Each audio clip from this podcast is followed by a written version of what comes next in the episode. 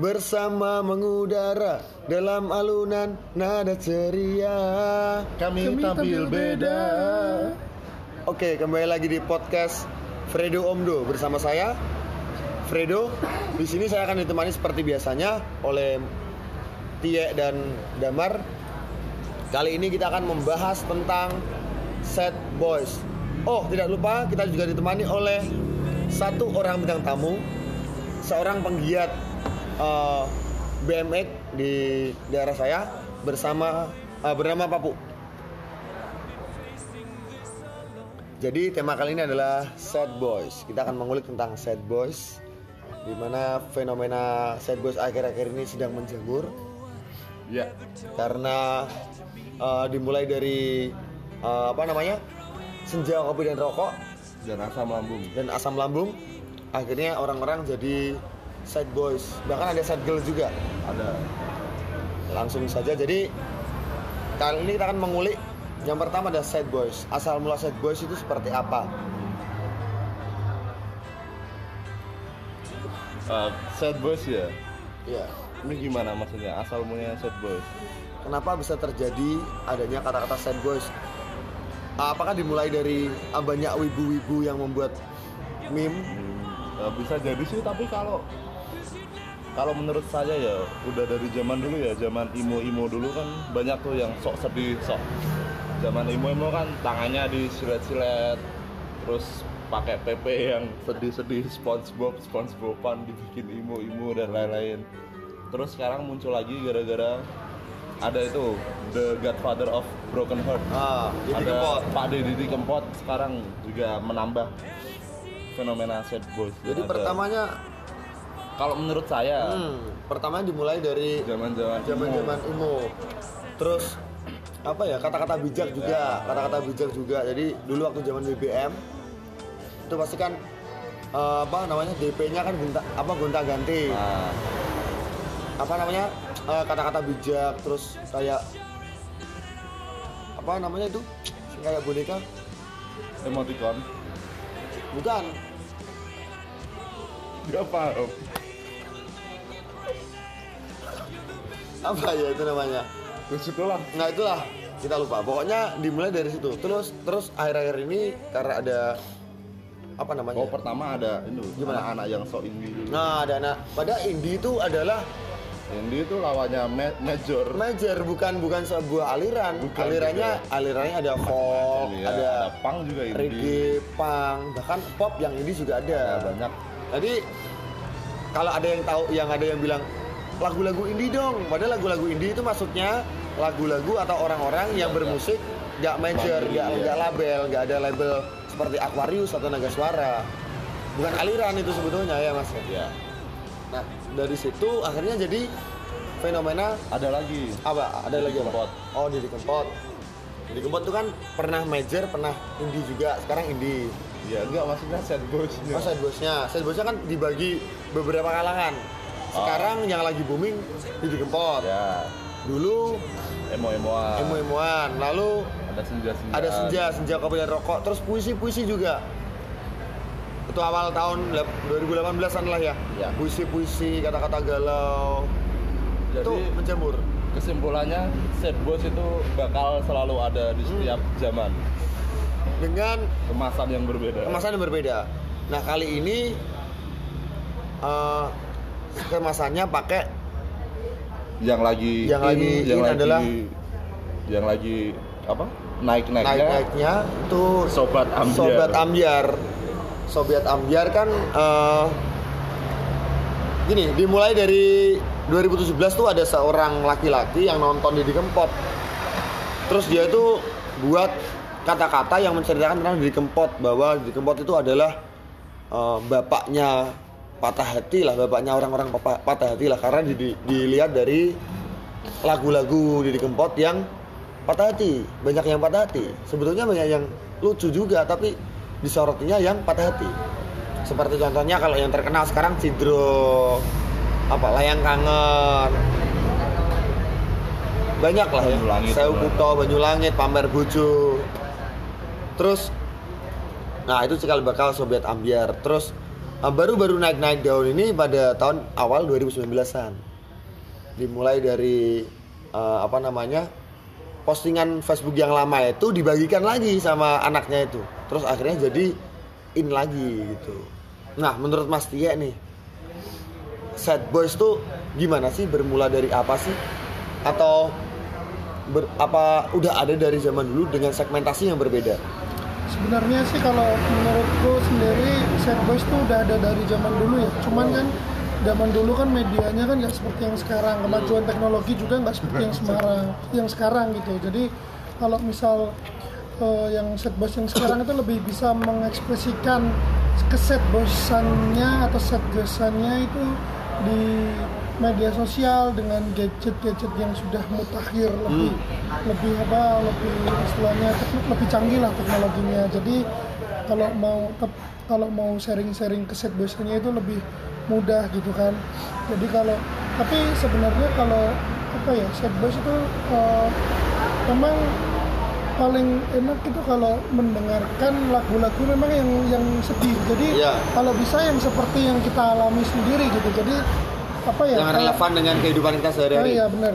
Jadi kalau itu apa anak-anak muda zaman sekarang kan lebih seneng kalau misal dia bersedih, patah hati atau apa gitu lebih uh, mendengarkan lagu-lagu yang sedih lalu dia kadang-kadang juga ada yang menangis, ada yang tapi sebenarnya kalau uh, lebih kalau memang sedih gitu sebenarnya apa ya itu bisa menjadi pacuan kita sendiri Ah. atau orang-orang yang bersedih itu menjadi lebih Benar. baik gitu kan jadi nggak nggak nggak selamanya ke orang yang bersedih atau patah hati itu berarti dia loser atau kehilangan semuanya Atau enggak alay. Nah, Alay itu tapi Tapi alay iya sih kalau alay. Alay, lebay.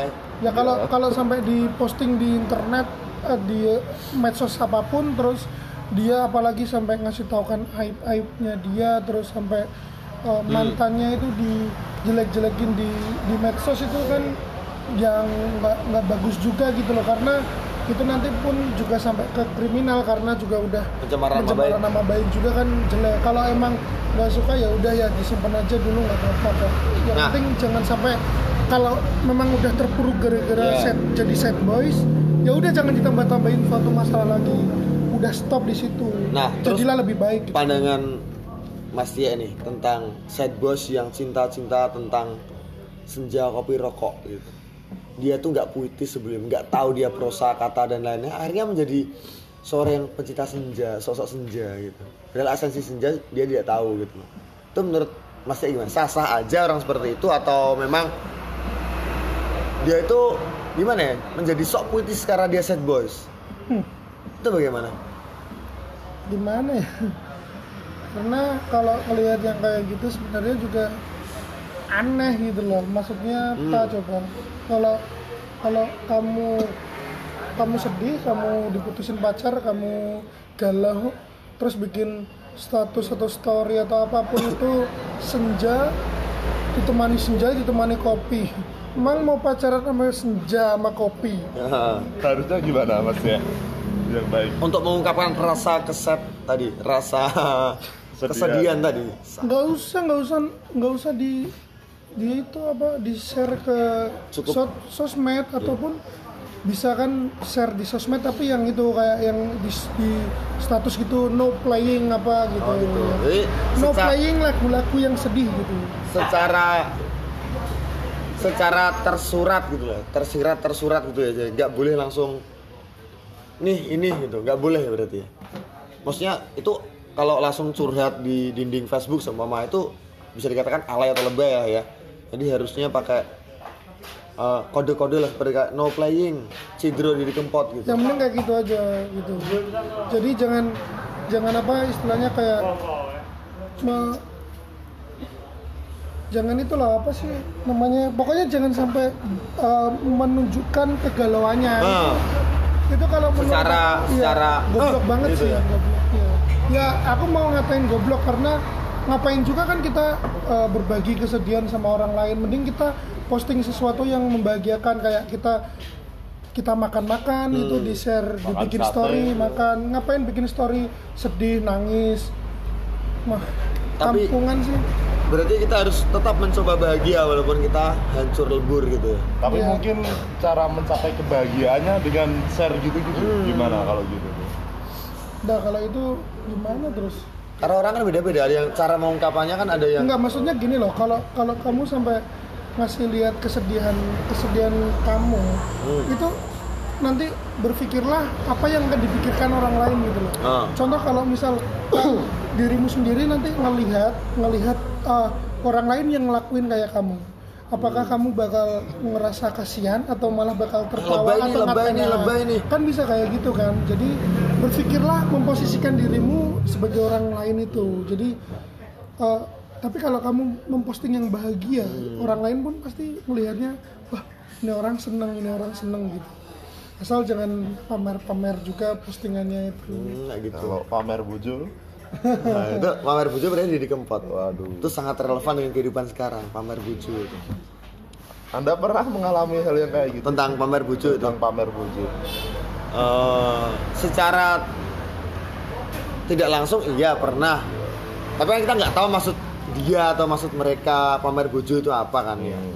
tapi kalau menurut saya pernah saya tapi kan nggak tahu maksud dia gitu. Iya. dari sudut pandangnya dia mungkin tidak tapi dari, dari, dari sudut pandang saya mungkin dia pamer bujo lagu jadi dikempot tadi ya. Akhirnya jadi relevan dengan lagu jadi dikempot wah saya dipamerin sama pacar barunya nih. Akhirnya saya eh, mendengarkan lagu Didi Kempot. Terus saya jadi sad boysnya sobat am, apa sobat ambiar tadi. Mulai dari sobat gurun jadi sobat ambiar. Kan kayak gitu. Boleh, boleh. Bagus, bagus. nah fenomena sad boy saat ini kan sangat menjamur Sangat semua menjamur. orang nggak sad boy pun akhirnya jadi sad boys bahkan yang nggak nggak apa ya? Nggak tahu nggak tahu ikut-ikutan. Nggak Nah. nggak tahu bahasa Jawa gitu di lagunya di Kempot jadi ikut-ikutan nge-share nge-share bahkan sampai eh, seorang Gofar Hilman yang notabene orang Anak pang. Jakarta. Anak pang. Anak pang juga dengan ngobrol bareng musisinya itu kan bersama Oh, iya, orang-orang yang genrenya genre kayak folk, eh, pop, jazz, Indie, indie, indie lah itulah, indie lah. Sampai dia mau mewawancarai seorang di Kempot di channel YouTube-nya di ngobam itu ngobam bareng musisi apa ngo- ngobrol bareng musisi itu tadi. Berarti kan fenomena apa namanya fenomena udah udah jadi apa ah, tingkat nasional. Nasional, ya. Sad boysnya jadi keempat ya kalau kayak ini ya.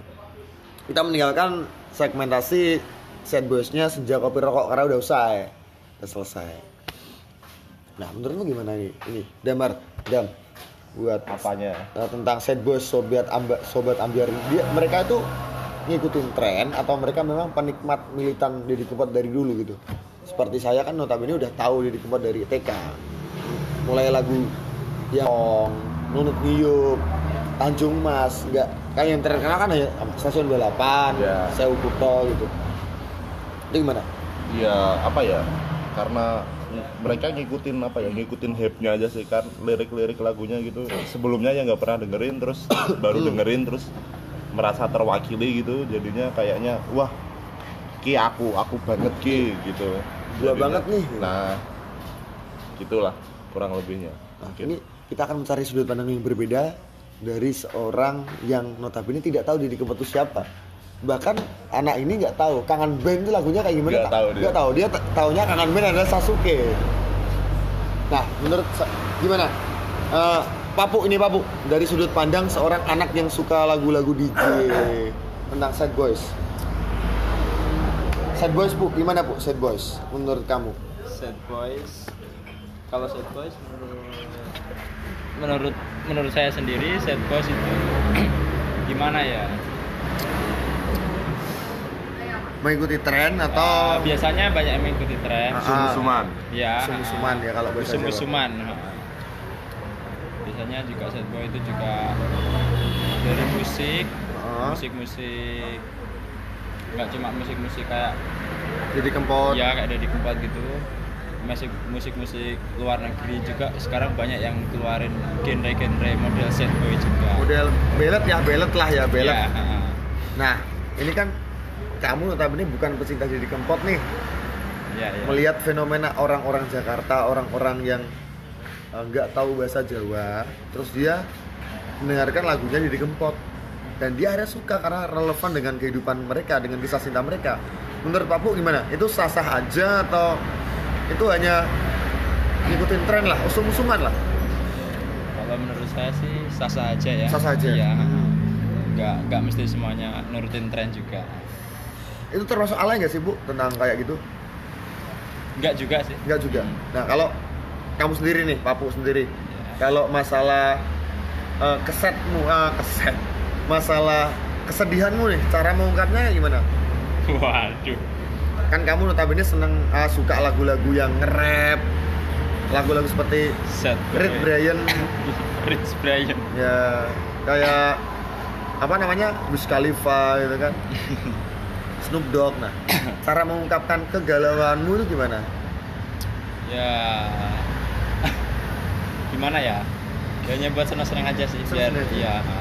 Masuk itu, masuk, masuk. Nah, Jadi itu nggak alay ya, itu tergantung sudut pandang kita. tergantung sudut pandang kita ya.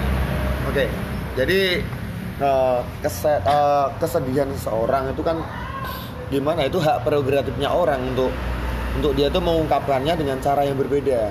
Contoh saya, saya kalau galau nulis puisi. Menurut orang itu alay. Menurut orang, sebagian orang ada yang menurut sebagian orang itu nggak alay.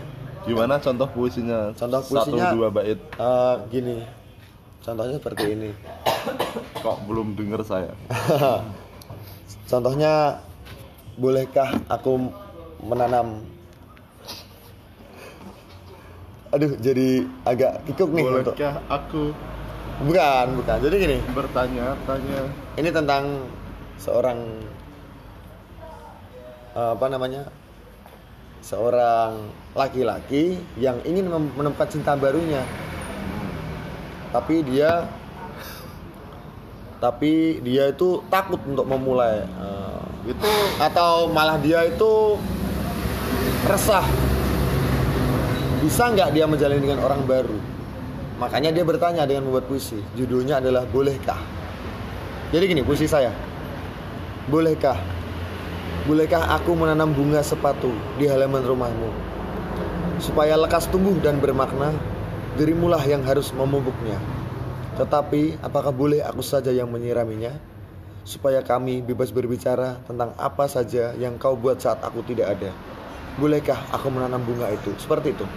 Ungkapan saya tuh kayak gimana ya? Kata-katanya lugas tapi tetap ada Hiasan. hiasannya. itu berdasarkan pengalaman pribadi berarti. berdasarkan pengalaman pribadi. Jadi saya Ingin punya pacar baru gitu. bukan ya bisa seperti itu sih. Cuma eh, pertama kan saya kan sedih nih. Wow. Nah, terus ada orang baru yang datang. Hmm. cara terus saya kan nggak yakin orang baru atau orang baru ini apakah nanti kayak yang masa lalu saya gitu Hmm. akhirnya saya bertanya oleh dia bertanya kepada dia dengan secara tersurat lah tersirat dengan membuat puisi tadi bentuk kealayan saya menurut saya itu adalah membuat puisi tapi ada yang menganggap itu biasa saja malah bagus daripada status-status yang langsung lugas membahas tentang Aku seneng gue. ya kayak gitu. Aku suka kamu gitu. Bolehkah aku jadi pacarmu? Menurut saya itu lebih alay daripada buat puisi. Tapi nggak tahu kan Ya tiap orang kan beda-beda. nah itu itu kalau saya. Nah kalau mas Tia gimana? Untuk mengungkapkan kesedihan dan kalau saya buat puisi tadi kalau mas Tia gimana? Cari pelarian sih. Cari pelarian? Jadi Contoh pelarian itu kayak gimana? Oh. gitu. maksudnya Kayak daripada gitu. dari daripada di rumah. Dari di rumah rumah. Kalau, kalau soalnya gini kalau kalau misal kalian lagi sedih Hmm. pasti ntar kalian bakal banyakan mikir kesedihan itu sendiri gitu. Ah. jadi carilah kesibukan ntar di luar ngapain gitu. Sampai capek sih kalau bisa capek-capek ntar pulang ke rumah pasti Tinggal ngantuk. iya Tapi ngantuk capek ada- tidur Tapi ada tuh pasti kalau misal udah di tongkrongan itu udah bareng Oh. sama teman-teman, dia masih sedih aja. itu gimana? merasa sepi di antara Iya. keramaian Nah kalau orang-orang kayak gitu juga tahu juga sih karena kan memang nggak nggak apa ya istilahnya kayak itu kan bukan bukan aku. Oh, iya. Jadi ya kalau mau mengomentari yang kayak gitu juga Harusnya dia dengan cara keluar rumah tuh ya bisa mendapatkan gini kesenangan. ya Nah, jangan sampai walaupun kalau sesaat. ya Iya. kalau kalau memang pas lagi kumpul terus nanti malah ah, istilahnya apa ya bersedih sendiri padahal teman-temannya kan pada bahagia. Ah. Ya udah biarin aja. Kalau bisa teman-temannya yang yang bahagia itu ya diemin aja gitu. Jadi ngapain kan gitu kan? Maksudnya kalau emang kecuali kalau emang kalau emang udah janjian ya ayo janjian ayo kita ngumpul kita ngopi kita kongko gitu. Jadi eh, ya seharusnya memang harus ber berkumpul dan bercanda gurau bersama gitu. Kecuali kalau kita lagi pas ada yang kita lagi ngopi sendiri dia datang terus istilahnya kayak dia itu mau menyendiri lah. Itu mungkin dia ke tempat tongkrongan kita kan memang dia pengen menyendiri. Jadi kan nggak ada rencana untuk bersama-sama gitu. Kalau kita janjian dari awal berarti kan ya dia juga harus ikut nongkrong ikut bercerita apa apalah terserah gitu yang penting ya tapi zaman sekarang kan banyak kan juga main HP sendiri pasti kalau gitu Tuh ya, biasanya main, main game atau gadget. gimana gitu kan Jadi akhirnya esensi dari kongko tadi tidak ada nah, untuk bercerita kesedihannya. Iya. Karena itu penting loh mas untuk bercerita tapi kan ada orang yang nggak mau mengungkapkan Hmm, dia- kesedihannya juga kan ada Ada. juga ya kalau nggak mau itu mungkin dia merasa itu Bukan sesuatu yang ranah iya bukan ranah kita sendiri kemudian Hmm. ranah teman-temannya gitu loh Ya. Dia takutnya nanti eh, udah cerita nggak malah dikasih saran malah diketawain kan biasanya Ya. kayak gitu kan takut aja gitu jadi Padahal diketawain tuh gimana ya? Mungkin karena mental sebetulnya. Mental dia tuh diketawain kalau sama teman sendiri sih nggak masalah, nggak masalah. ha. Kalau sama teman sendiri malah ditanggapin serius tuh malah kayak gimana gitu ya. Iya. Rasanya gak enak. Oke, kita kembali lagi ke kesedihan tadi kesedihan, ke sad boys itu tadi. Jadi sad boys itu kan pada intinya orang yang sakit hati dengan cara apa pun dia boleh mengungkapkan kesedihannya tadi dengan mendengarkan musik, dengan membuat puisi, dengan Ya, eh, macam-macam lah. Ya macam-macam lah dengan menulis di Facebooknya dia dengan apa namanya sedih-sedih atau alay ya kita kan nggak tahu. Nah, apakah seseorang itu akan menjadi sad boys kalau uh, dia itu mendengar musik atau musik itu malah membuat dia menjadi sad boys? Iya dengan media musik dia jadi apa ya? Kayaknya perasaannya tuh terwakilkan gitu. Gitu. Jadi dia sangat menikmati ke sad boysannya dengan musik itu tadi. Kalau kalau kalau itu namanya apa? Masokis ya dia Ya, menikmati dia, dia kesedihannya. menikmati kesedihan. Dia Kayaknya wah nges gitu. Nah, pernah nggak kalian merasakan bahwa kalau kalian sakit hati atau disakiti orang, terus kalian mendengarkan lagu yang galau, lagu-lagu yang relevan dengan hatimu, terus kamu merasakan di lubuk hatimu tuh, wah ini gue banget nih lagunya nih, aku nih ceritanya, itu pernah nggak? Nah itu itu adalah manusiawi sebenarnya seperti Iya, itu. sangat manusiawi. Tapi kembali lagi, bagaimana cara mengungkapkan kita, mengungkapkannya? Mungkin menurut kita nggak alay, menurut orang lain itu, wah alay nih. Soalnya orang tersebut nggak ngerasain. Nah, Kalau orang tersebut ngerasain bakalan melakukan hal yang Nah sama. gitu. Jadi dalam hidup kan melihat sudut pandang yang berbeda lah. Tidak Iya. melihat dari sudut pandang kita, tapi melihat sudut pandang orang lain seperti dikatakan Mas ya tadi. Jadi fenomena sad boys kali ini akan terjadi Mas ya. Terjadi Iya. berulang-ulang dengan dengan dengan apa? Selama cinta masih ada. Selama cinta masih bakal ada sad boy. boy. Selama perselingkuhan masih ada, selama bangka masih hidup. itu Akan akan ada sad boys, ada sad sad boys. boys sad boys lain yang akan tumbuh. Ya. Jadi walaupun kamu nanti punya pacar, kamu akan merasa merasa menjadi sad boys juga. Kamu jomblo, kamu juga akan jadi sad boys. Jadi sad boys itu adalah suatu hakikat manusia yang tidak bisa di- dihindari. Itu. Apa? Tingkatan manusia itu. Tingkatan gimana gimana? Tingkatan manusia untuk menjadi sad boys. balita, balita, Balita, balita, balita, terus anak-anak, anak-anak, remaja, remaja, sad boys, sad boys, terus manusia seutuhnya. terus manusia utuhnya. Jadi tingkat tingkatan manusia itu bukan hanya balita, remaja dan dewasa, terus kita meninggal, tapi ada balita, remaja, setelah remaja kita menjadi sad boys dan baru merasakan Baru pendewasaan. pendewasaan itu dan tadi. menjadi manusia seutuhnya. sad boy, sad girl itu adalah sebuah pendewasaan, sebuah fase di mana kita harus melalui itu. Jadi intinya nikmatin Nah, aja. nikmatin aja menjadi sad boys. Hmm, nanti juga ada ada hal lain atau ada sesuatu lain yang bisa Hmm. melepaskanmu dari kesad bosan. Jangan takut Jadi harus dihadapi. ya, jangan takut jadi sad boys, jangan takut menghadapi hari esok bahwa Ya, hari esok itu akan selalu ada. Nah, hari esok akan selalu ada. Walaupun kamu berdoa untuk hari esok itu tidak ada, Tapi eh, akan selalu ada. akan selalu ada dan kamu harus menghadapi itu dengan ikhlas. Iya. Santai santai. Santai. Ada temen terus ada lagu tadi. Ya nikmati aja pokoknya. semakin kamu sakit itu adalah sebuah pendewasaan sebenarnya. Iya. Walaupun kamu masih sudah dewasa nanti, kamu tidak akan bisa membunuh anak kecil dalam hatimu. Iya. Tetap ada anak kecil dalam hatimu. kamu ya itulah Jadi kamu tetap akan menjadi sad boys dan kamu setiap manusia akan mengalami fase sad boys itu tadi. jadi jangan jangan ngejek orang yang lagi alay Alay itu. jangan dihina jangan dimusuhin temenin Temenin dia, ajak Support, dia, support. support dia, dengarkan dia. Kalau nggak mau dengarkan dia, nggak usah kumpul sama dia. gitu aja. Kalau kamu memang, wah males nih kumpulan sama dia, galau terus nih. Alay, alay. alay, alay nih, alay nih. Apaan buat puisi senja? Apaan nih baru gitu aja? kamu belum merasakan Karena kamu belum merasakan. Gitu ya Mas Tia ya. Hmm, betul. Jadi cobalah me- memandang sad boys itu bukan sebuah kealayan, sebuah kelebayan, Fase. tapi itu adalah fase dalam kehidupan. Selama ada cinta, akan selalu ada sad boys. Oke? Jadi intinya dari percakapan ini adalah dari podcast kali ini bahwa sad boys adalah fenomena yang akan dialami setiap insan, setiap insan yang punya cinta yang punya cinta. Bahkan yang nggak punya cinta sebelumnya. oh Dia akan iya Sa. sad boys. ya kan punya cinta kan Berarti ya punya cinta. Oke, berarti, Berarti berarti semua orang punya cinta dan semua orang akan mengalami fase sad itu sendiri dengan Cara yang eh, berbeda-beda. cara yang berbeda karena perkembangan zaman. Contoh dulu waktu Facebook, alaynya buat status Facebook yang kamu kok nggak balas status apa SMS ku sih, lalu nanti ada eh, balas sekarang ada balas-balasan story IG, galau-galauan, kode-kodean, sekarang ada Spotify ada Spotify, ada ada podcast kali ini. Dulu pakai radio, pakai apa aplikasi radio itu yang di HP terus ada sekarang ada podcast. Nah, untuk kalian yang sad boys jangan bersedih. nikmatin Nikmatin, jalanin. Karena hidup hidup itu seperti diperkosa sebetulnya. Kok bisa Mau nggak mau kamu harus menikmati. wah mantul Oke, itu dia podcast kali ini bahwa sad boys bukan sebuah kealayan. Sad boys adalah fenomena. Sad boys adalah sebuah fase yang ha- yang akan dan harus dilalui setiap insan manusia yang punya cinta.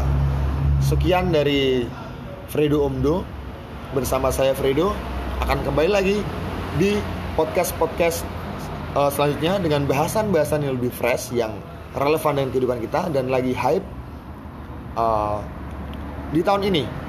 Hype di sekitar kita lah pokoknya. Tunggu saja podcast dari kami obrolan omong kosong dari kami. Semoga bermanfaat untuk kalian. Terima kasih wassalam. Bersama mengudara dalam alunan nada ceria.